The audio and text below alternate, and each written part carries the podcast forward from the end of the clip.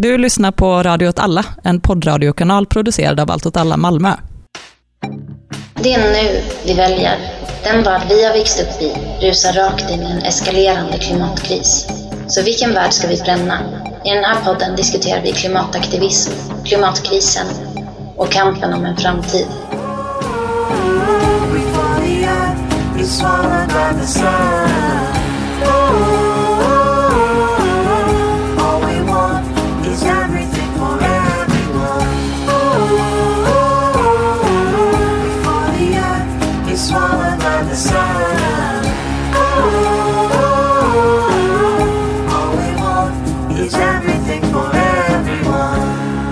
Finns ett begrepp som, eh, som dyker upp här och var och allt oftare i klimatrörelsen. Och det begreppet är klimaträttvisa. Och båda vi har, liksom reagerar på något sätt lite känslomässigt negativt på det här begreppet för att Men jag Det tänker att känns du, så tomt. Ja, precis. Men du fattar ändå lite vad det är. Jag känner Nej, att jag men- inte riktigt förstår. Och jag, hade, ja, och jag som eh, hoppades att du skulle kunna förklara det. Men, men så här, vår upplevelse är att begreppet klimaträttvisa eh, blir liksom eh, mer och mer populärt i, eh, eh, i klimatsammanhang eller i miljörörelsen i stort. Eh, men en att det används, det är en liksom. paroll som, som eh, växer sig större och starkare. Men att ehm, vi upplever att det ekar lite tomt. Eh, vad, vad menar folk när de säger klimaträttvisa eller när de, när de använder det här uttrycket? Vad, vad lägger vi in i det begreppet? Um, för alla kan, jag tror att alla kan skriva under på att, eh, eller att vi vill ha någon slags rättvisa i omställningen eh, som krävs för att klara klimatkrisen. Alltså jag har nog lite svårt för det för att jag tänker att klimaträttvisa är ett begrepp som kommer från liksom sociala, vad heter det, social justice eller social rättviserörelse. Och att jag, jag kan bli lite så här, vem är det som blir diskriminerad? Vem är det som, jag tycker att det är liksom, om det är en rättighetskamp som är så här urfolk eller någon mm, som bor i en eh, by som måste flyttas för att en gruva ska eh, byggas där, då kan jag förstå det här rättvis-grejen. Men att själva begreppet klimaträttvisa är... Ehm, för det är ju inte... Alltså jag upplever inte att klimat... Eller handlar klimaträttvisa om liksom hur klimatkrisens ehm, klimatförändringarnas negativa effekter är fördelade. Jag är liksom inte helt säker på om det gör det. Eller handlar det om att ställa företag till svars? Men det är är- kanske mer mm. det som eh, klimaträttvisa ofta handlar om, att ställa Mm. företag till svars. Men då tycker jag också att det är... Men är det inte lite luddigt för att, eh, för att det går att lägga in i princip vad man vill i, i begreppet klimaträttvisa? Så att det finns liksom, det, det är fritt att använda. Eh, ungefär som att kalla sig feminist är eh, också eh. Nu är du spicy här. Kontroversiella takes från oss. Ehm, ja, men, ja, men det kanske är det som är med klimaträttvisa, att det är en ganska, en ganska generell paroll och man därför kan ena väldigt många kring det i en kamp som egentligen har kanske olika motstridiga intressen. Ehm, men vad tycker du är liksom styrkan med begreppet klimaträttvisa? Finns det något du gillar med det? För nu började vi väldigt negativt här. Ja,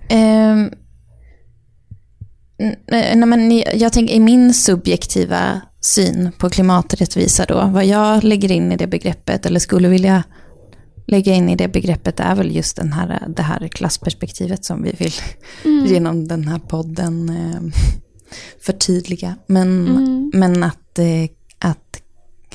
klimatkamp också måste handla om, eh, om att skapa en rättvisare värld en jämnare fördelning av eh, resurser på något sätt. Mm. Jag tänker att en sak som jag tänker eh, gör mig lite eh, kritisk till eh, rättvisebegrepp är att jag ofta får en känsla av att de inte är revolutionerande utan att de, de tänker sig att vi ändrar ett lagförslag. Och, eller vi ändrar en lag och så ska lagen vara eh, du kan straffa det här företaget om den begår det här klimatbrottet. Men att det egentligen kanske inte ifrågasätter Exakt, liksom. att, det är mer, att det mer letar efter en förövare, eh, någon att ställa inför rätta, än att kritisera ett eh, system i grunden. Precis, och det blir ju nästan ett sätt att rädda systemet. Eller för att då istället för att säga det är något eh, i grunden ohållbart här som vi måste ändra på så hittar man den här förövaren och så straffar man den och sen är man nöjd. Jag förstår, eh, jag förstår lite mer din kritik. Ja. Eh, Det har ju hänt väldigt mycket i klimatkampen det här året. Det har Eller gjort det, trots eh, corona. Ja, precis. Jag var ju så här, när, när corona bröt ut, då hade jag precis eh, så sagt upp mig från jobbet och tänkte liksom aktivista på heltid. Jag såg liksom framför mig en sån eh, aktivistsommar, att jag skulle göra en Europaturné och åka, åka runt och blockera olika, olika saker. Ehm, men sen så kom corona och så, och så var det som att ehm, jag fick jättemycket FOMO bara över vart, eh, över att, att jag liksom, att det känns som att jag missade, jag fattade inte vart, vart klimatrörelsen tog vägen riktigt. Och vart jag skulle befinna mig, vilka olika Zoom-möten jag skulle vara på, typ. Nej, och det var väl Vilka chattar det skulle- negativt då i början av året Ja. att eh, allting bara slocknade. Eh, väldigt eh, plötsligt och våldsamt. Mm. Ehm, Men sen har det ändå hänt mycket grejer och, och Mm. det känns som att hela klimatrörelsen har, har eh, utmanat sig själv väldigt mycket i att eh, eh, kanske testa, testa nya, nya arbetssätt, andra metoder. Ja, fast eh, eller jag tycker det har kommit mycket nya metoder som har varit jättehärliga. Men det, var ju, det har ju verkligen varit trist när det har varit eh, digitala incheckningar på Facebook som protest. Då, då har jag varit eh, riktigt deppig. Eh, jag, jag har varit ganska deppig över, över allt det här digitala för att det har känts, eh, personligen så har det varit mer dränerande än eh, energigivande faktiskt. Ehm, Men nu skulle vi prata Ja. om eh, det som har varit eh, fett. mm. Och då, eh, ehm, förra året så hade vi ju en massaktion i eh, Göteborg som hette Folk mot fossilgas. Och det var kanske, ehm, det var ju en aktion som var inspirerad av de här eh, tyska aktionerna Ende Gelände som är liksom en jättestor aktion mot eh, kol och gas i Vi skulle väl Tyskland. kunna säga att Ende Gelände har lite satt eh, ramarna för hur, hur klimataktion går till i Europa. Eller väldigt många, ehm, väldigt många har tagit efter dem. Liksom. Ja, eh, precis. metoderna. Ehm, och det har ju varit en fantastisk, eh, alltså jag hoppas vi kan återkomma till Ende Gelände någon gång för att det är en, det är som en, det är som en eh, skola för aktivister. Det är verkligen en väldigt häftig grej. Men i alla fall så förra året så eh, i september tror jag det var, augusti-september så var Folk mot fossilgas i eh, Göteborg som var en aktion mot inkopplandet av eh, en fossilgasterminal i eh, Göteborg. Um, och då hade vi en sån här massaktion där, där vi blockerade fossilgasterminalen. Um, och det, nu ska jag inte gå in för mycket på hur den gick till, det kanske vi också kommer tillbaka till någon gång. Men det jag skulle säga var att vi um, efter det här aktionen så kom det ett besked att man valde att inte koppla in fossilgasterminalen till uh, nätverket. Um, och det var ju fett. Och det är ju kanske inte den enda segern, eller det är inte den enda segern vi har vunnit. Nej, för att Nej. nu nyligen så kom också beskedet att Preem drar tillbaka sin ansökan om att eh, bygga ut sitt raffinaderi i eh, Lysekil. Ytterligare en eh, väldigt stor seger för, eh, för klimatrörelsen. Eh, nu hävdar ju vissa att det bara rör sig om, ett, eh, om Preems ekonomiska förutsättningar och så. Eh, vilket i och för sig inte heller är frånkopplat eh, klimatrörelsen. För det handlar ju om eh, ja, att, det inte, att det inte är lönsamt längre eh, att investera i fossilindustri eh, kan man ju tänka sig ganska mycket tack vare klimat. Men eh, också att rörelsen. eh, även om eh, de, eh, den eh, enorma kraftsamling kanske man kan säga, eller det enorma aktivistengagemanget som eh, var mot utbyggnaden inte skulle ha varit så eh, har ju de här ekonomiska förutsättningarna också varit något som kom under coronan och anledningen till att det här har dragit ut så mycket på tiden är ju till exempel att Naturskyddsföreningen har överklagat eh, deras utbyggnad. Så det finns ju, Precis. även de ekonomiska förutsättningarna har ju påverkats av miljörörelsen. Exakt. Eh, och, men vi- vi får väl ändå säga att, att, eh, ja, att det är rörelsen som har tryckt på. Liksom. Absolut. Och det har varit en stor eh, liksom, mobilisering och eh, mycket kampanjande mot den här utbyggnaden nu i sommar. Eh, där ett nätverk eh, som eh, går under namnet Stoppa Primraf, eh, Stoppa Primraf eh, har, ja, där, där liksom många olika organisationer och autonoma grupper och så där har, har ingått och med gemensamma krafter gjort olika större och mindre aktioner, eh, demonstrationer, ehm, mm, olika små, små inslag i eh, debatten och sådär. Ehm, det har varit en, en kampanj på alla nivåer kan man, kan man säga. Ehm, Och det har ju varit eh, helt amazing. Och jag, alltså jag tycker att det är så, eh, alltså jag tycker att klimatrörelsen är eh, den fetaste aktiviströrelsen i Sverige idag. Alltså det, det känns också som att vi liksom befinner oss i ett politiskt landskap där det är så här, okej, Socialdemokraterna driver igenom strejkrättsinskränkningar, så vi har liksom en, en arbetarpartier som jobbar mot arbetare och så har vi fack som inte riktigt strejkar.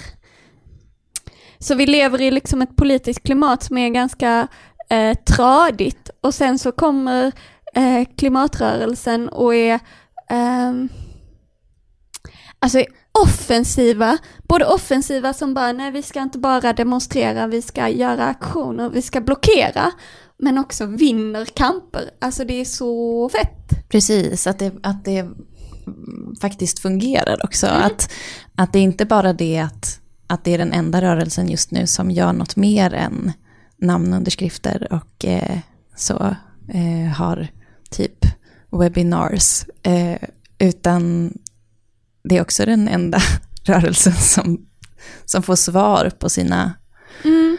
Så här, det går bra för miljörörelsen men det går inte så bra för miljön. nej. nej. Eh, hade det gått sämre för miljörörelsen så hade det ju eh, varit katastrof, tänker jag, för klimatet. Nu är det lite, kat- eller det är mycket katastrof men inte så mycket som det kunde ha varit. Ah, Fast det är också Det är, jättemycket ja, katastrof. det är Ja. katastrof. Ja. Eh, men det jobbigaste med tiden vi lever i är att eh, även om man känner så här, det här går bra, nu bygger vi någonting här, vi bygger en rörelse, så är det så himla lite tid vi har. Alltså att det är, vi skulle behöva en uppskalning så jäkla snabbt. Mm. Och en så brant uppskalning. Och det är väl eh, det som, eh, som också är eh, kanske en anledning till att, att många slänger sig med begreppet klimaträttvisa för att typ koppla samman klimatkampen med andra kamper. Eh, vilket händer ju mer eller mindre framgångsrikt. Men, men det känns som att det byggs broar här och var mellan Ehm, klimatrörelsen och eh, så här social justice eh, movements lite här och var. Ehm, eh, jag tycker att de eh, broarna kanske är lite otydliga. Men jag vet inte, jag tycker att det finns en del kamper, vi kanske kan återvända till det, men både att eh, på mm, eh, en del länder så har de väl mer och mindre välgrundade sådana broar. Och en del, men också att det finns en del urfolkskamper där man har eh, kopplat samman klimat och miljökamp med urfolksrättigheters kamp på eh, lyckade sätt. Kan vi, prata, kan vi inte bara prata lite om det här slutförvaret? Jag tycker det är spännande. Jag, jag undrar vad du eh, har för Du takes. får eh, berätta om det här slutförvaret för jag vet ingenting Okej. om det. Eh, det här är ju inte...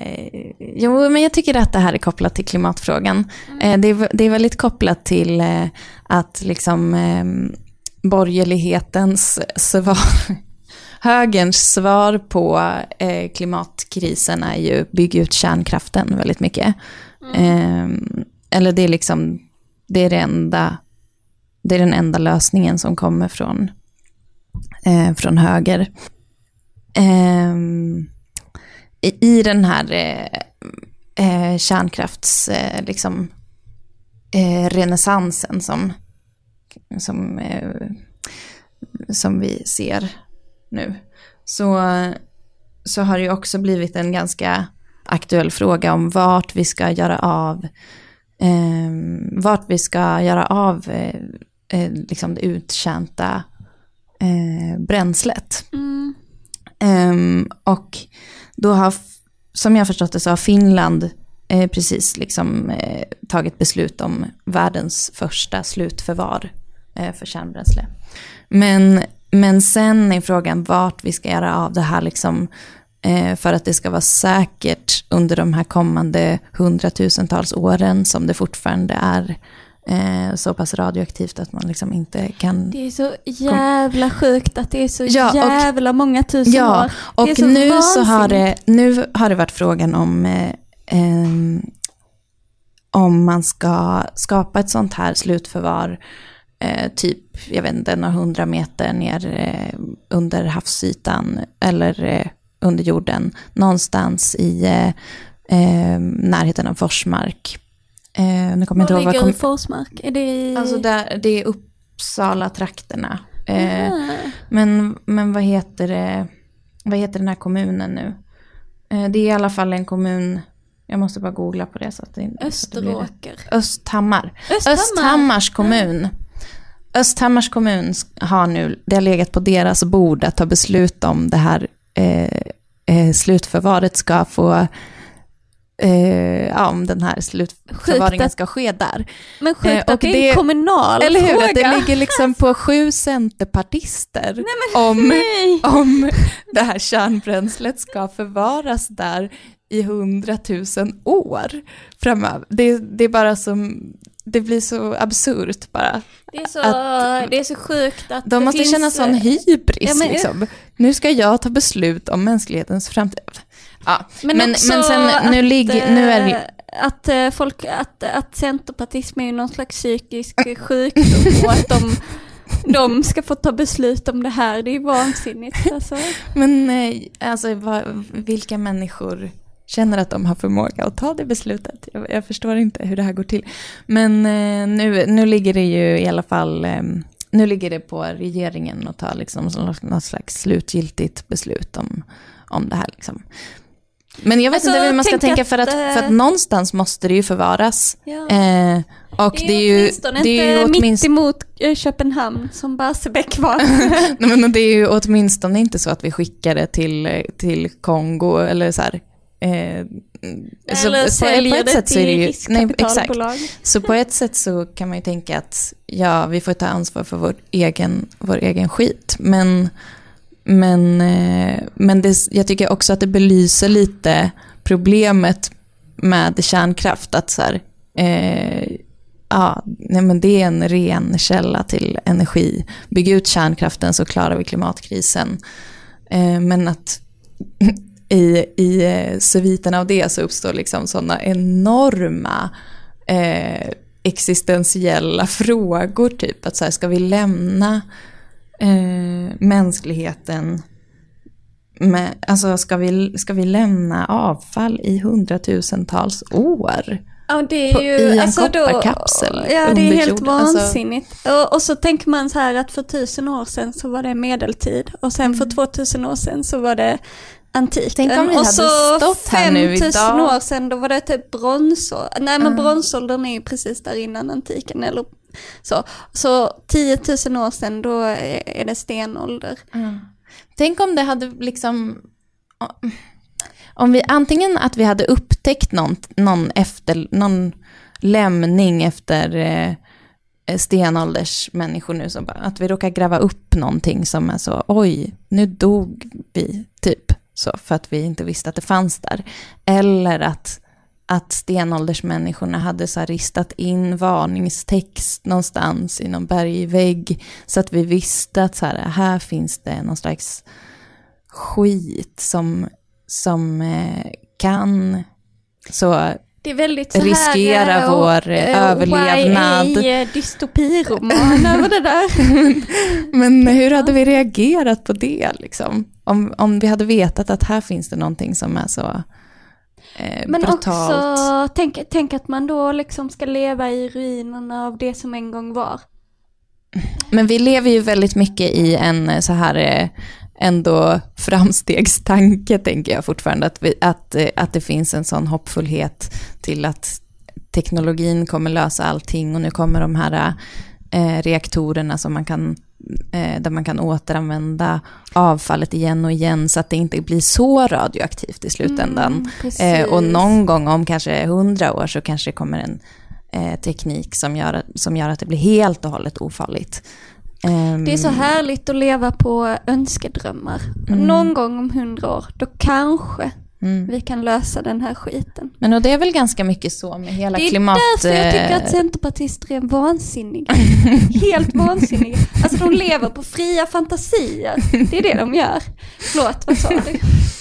Ehm, men jag tänker att alla gör det. Eller liksom eh, eh, alla som ingår i det här samhället. Mm. Alltså vi, vi lever ju väldigt mycket på... Nu, nu drar jag alla över en kam, men, men jag tänker att eh, anledningen till att vi inte reagerar starkare på klimatkrisen är att det finns någon slags förhoppning om att äh, någon kommer lösa det.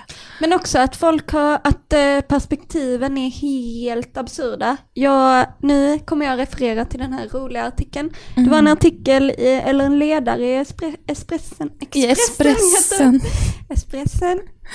Ehm, där eh, eh, den här ledaren vänder sig mot att vänstern skulle vara eh, att eh, vänstern skulle vara extrem som vill ideologisera klimatfrågan. Ehm, och vill använda den för att eh, skapa igenom en systemförändring istället för att använda eh, teknologi för att lösa klimatfrågan. Och det är så, det finns typ ett uttalande som är så här It's easier to imagine the end of the world than the end of capitalism. Och det här är verkligen ett sånt jävla exempel på det här. För här så tycker han att det är helt extremt att vända sig, eh, det är en ledarskribent som heter John Hassler. Um, men han i alla fall vänder sig mot idén om att man ska ifrågasätta det ekonomiska systemet.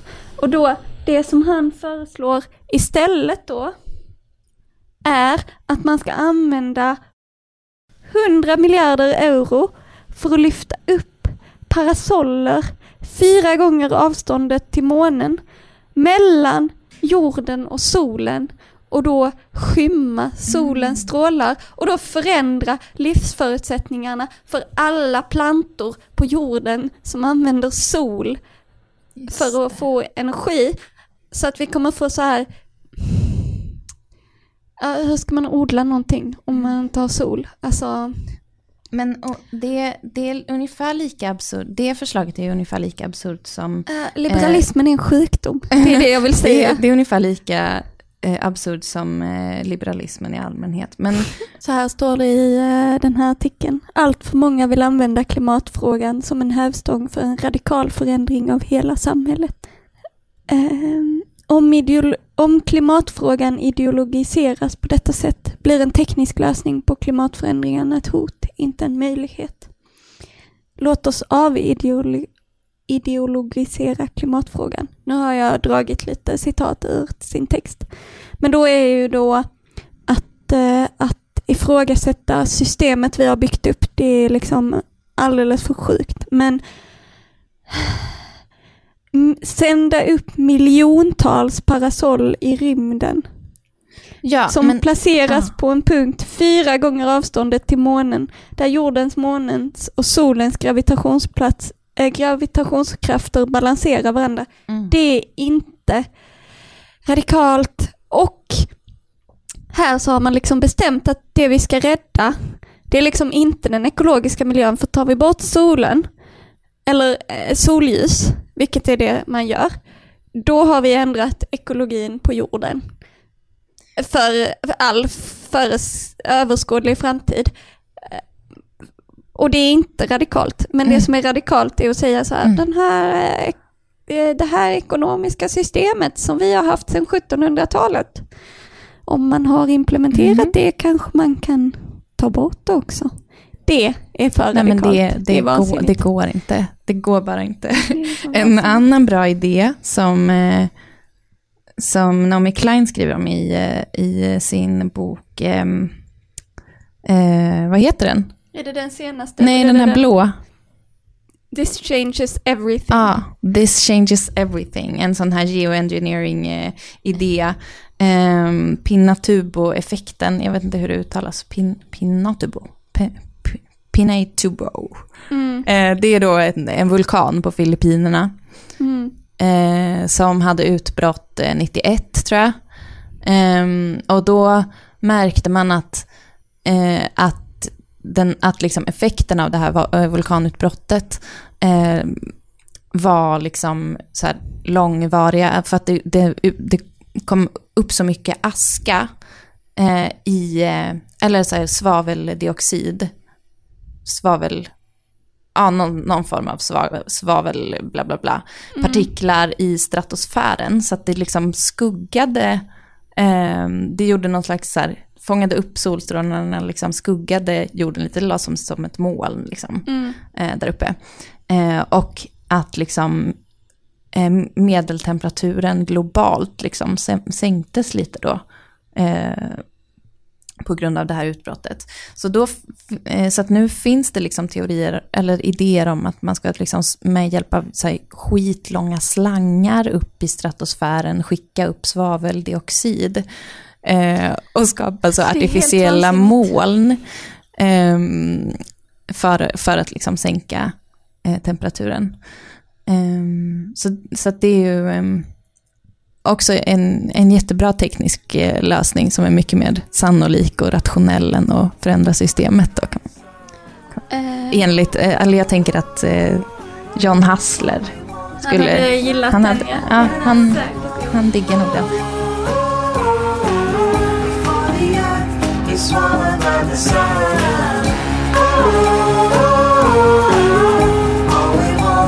Is every